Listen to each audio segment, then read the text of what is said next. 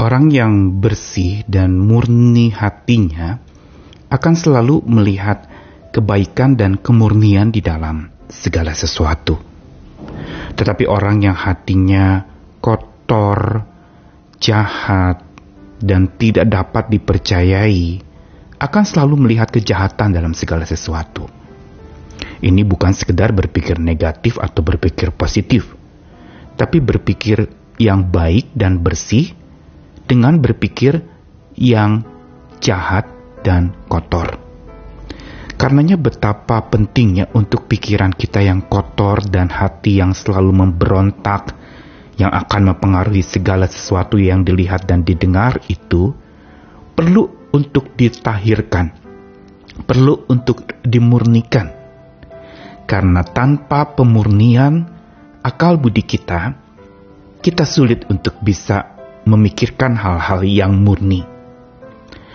Tanpa pembersihan akal budi kita, tidak mampu kita untuk melihat segala sesuatunya dengan jernih, dengan bersih. Semua sudah terkontaminasi oleh berbagai macam hal. Dan dampaknya adalah terjadinya kemunafikan dan kemenduaan. Karena pikirannya sudah terkontaminasi oleh berbagai macam kekotoran-kekotoran. Karena itu betapa pentingnya dan mutlaknya kita harus mengalami purifikasi pikiran. Namun bagaimana caranya? Saya Nikolas Kurniawan kembali menemani di dalam Sabda Tuhan. Hari ini dari dua ayat firman Tuhan masih dari Filipi pasal 4 ayat yang ke-8 saya bacakan dari versi Indonesian Modern Bible Akhirnya saudara-saudaraku segala yang benar, segala yang mulia, segala yang adil, segala yang murni, segala yang menyenangkan, yang baik untuk didengar, segala kebajikan dan yang patut dipuji, pikirkanlah semua itu. Lalu yang kedua dari ungkapan Rasul Paulus dengan mengatakan sebab itu aku senantiasa berusaha kisah Rasul 24 ayat 16 untuk hidup dengan hati nurani yang murni di hadapan Allah dan manusia.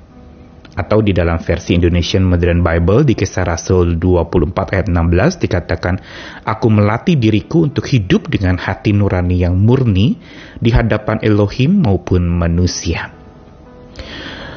Ungkapan Rasul Paulus sekaligus pesannya kepada jemaat di Filipi untuk berpikiran murni dan melatih diri agar hidup dengan hati nurani murni di hadapan Tuhan dan manusia, bukan saja di hadapan Tuhan, tapi juga di hadapan semua manusia.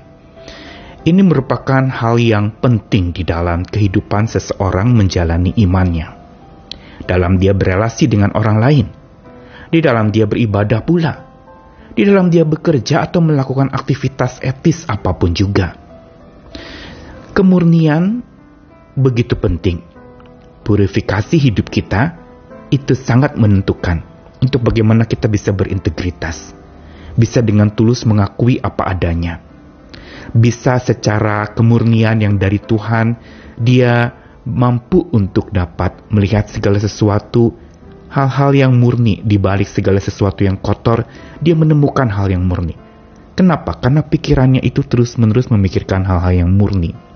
Atau mencari yang murni di tengah-tengah yang tidak murni mencari yang bersih di tengah-tengah yang kotor, mencari yang baik di tengah-tengah yang jahat.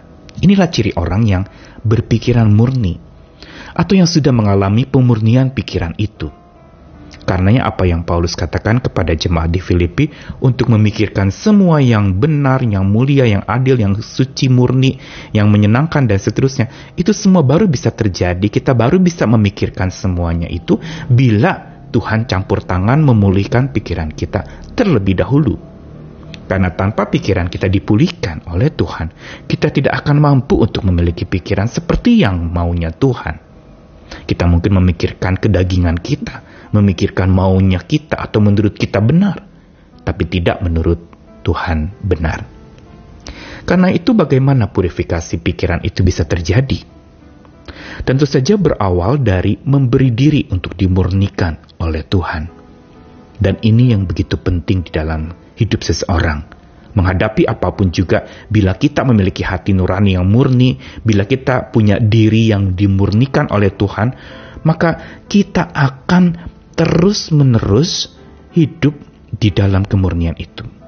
Lurus, tidak menyimpang ke kanan dan ke kiri. Selalu mencari saripati dari setiap pergumulan-pergumulan hidup. Selalu mau belajar dari setiap pergumulan yang berat itu temukan apa yang murni yang Tuhan sedang lakukan dan kemurnian apa yang Tuhan mau nyatakan dan pemurnian apa yang Tuhan kerjakan untuk seseorang ketika menghadapi kondisi yang berat itu. Dan berawal dengan memberi diri dimurnikan oleh Tuhan, barulah hati nurani yang murni itu akan hidup di dalam hidup kita. Seperti yang Paulus katakan tadi, di dalam kisah para rasul, ini menjadi doanya dia mengatakan, "Aku melatih diri untuk hidup dengan hati nurani yang murni di hadapan Tuhan dan sesama." Kurang apa sebenarnya dari Rasul Paulus? Bukankah dia adalah seseorang yang melayani Tuhan? Tapi bagi Rasul Paulus, hati nurani yang murni itu menjadi modal dan model yang paling penting untuk dia bisa survive dan bertahan terus di dalam melayani Tuhan. Karenanya dia berjuang untuk selalu berusaha, berlatih, hidup dengan hati nurani yang murni, supaya pikirannya menjadi murni. Karena dari dalam hatilah muncul pikiran-pikiran itu, bukan? Dan kalau hati nurani sudah dimurnikan oleh Tuhan, dan hati nurani yang murni ini pun yang akan menelurkan pikiran-pikiran yang murni. Dan kita tidak salah berpikir tentu saja terhadap segala sesuatu. Dan dampaknya, bila kita memberi diri dimurnikan Tuhan dan mampu hidup dengan hati nurani yang murni, kita akan mampu pula untuk menafikan kemunafikan. Apa itu menafikan? Menolak atau bisa melihat dengan tajam tentang kemunafikan orang-orang yang ada di sekitar atau di hadapannya. Dia akan bisa peka ketika mendapati orang ini tulus atau pura-pura dia bersandiwara atau dia memang benar berlaku demikian. Menafikan kemunafikan dengan kemurnian ini adalah dampak bila seseorang memberi diri dimurnikan dan hidup dengan hati nurani yang murni yang asalnya daripada Tuhan. Menafikan kemunafikan itu. Sangat tergoda kita dalam kehidupan keagamaan untuk menjadi munafik yang tampaknya menyebut-nyebut Tuhan tapi hidup kita jauh dari Tuhan. Dan setiap kita termasuk saya sering kali juga terjebak kepada dosa kemunafikan yang tidak tampak di hadapan orang. Karena kita bisa bersandiwara dan berdandan begitu rupa di depan orang, tapi lupa untuk menjadi teladan yang benar dari dalam hati yang tulus. Karena itu betapa pentingnya pikiran yang murni itu atau memikirkan hal yang murni itu akan mampu menafikan kemunafikan. Sekaligus yang kedua adalah menangkal kemenduaan. Pikiran menjadi tidak murni ketika kita mendua pikiran atau mendua hati. Ketika mengabdi kepada Tuhan tapi juga mengabdi kepada mamon misalnya, mengabdi kepada Tuhan atau mengabdi kepada harta misalnya. Dan kemenduaan ini menyebabkan pikiran kita tidak murni, hidup kita tidak murni karena mendua hati. Dan kita suci juga ingatkan dalam kitab Yakobus, orang yang mendua hati tidak akan tenang hidupnya. Dan hati nurani yang murni yang berasal dari pemurnian yang Tuhan kerjakan, purifikasi yang Tuhan kerjakan dalam hidup kita akan mampu untuk kita bisa menangkal kemenduaan itu. Dan berjuang untuk hidup tulus, jujur apa adanya, karena orang yang berpikiran murni atau memikirkan hal-hal yang murni bukan berarti hidupnya akan menjadi orang suci atau semacam malaikat. Tentu saja tidak, tapi dia berani mengakui akan segala kesalahannya, berani mengakui akan segala keberdosaannya, berani dengan rasa sesal dan malu mengakui akan segala kebersalahannya.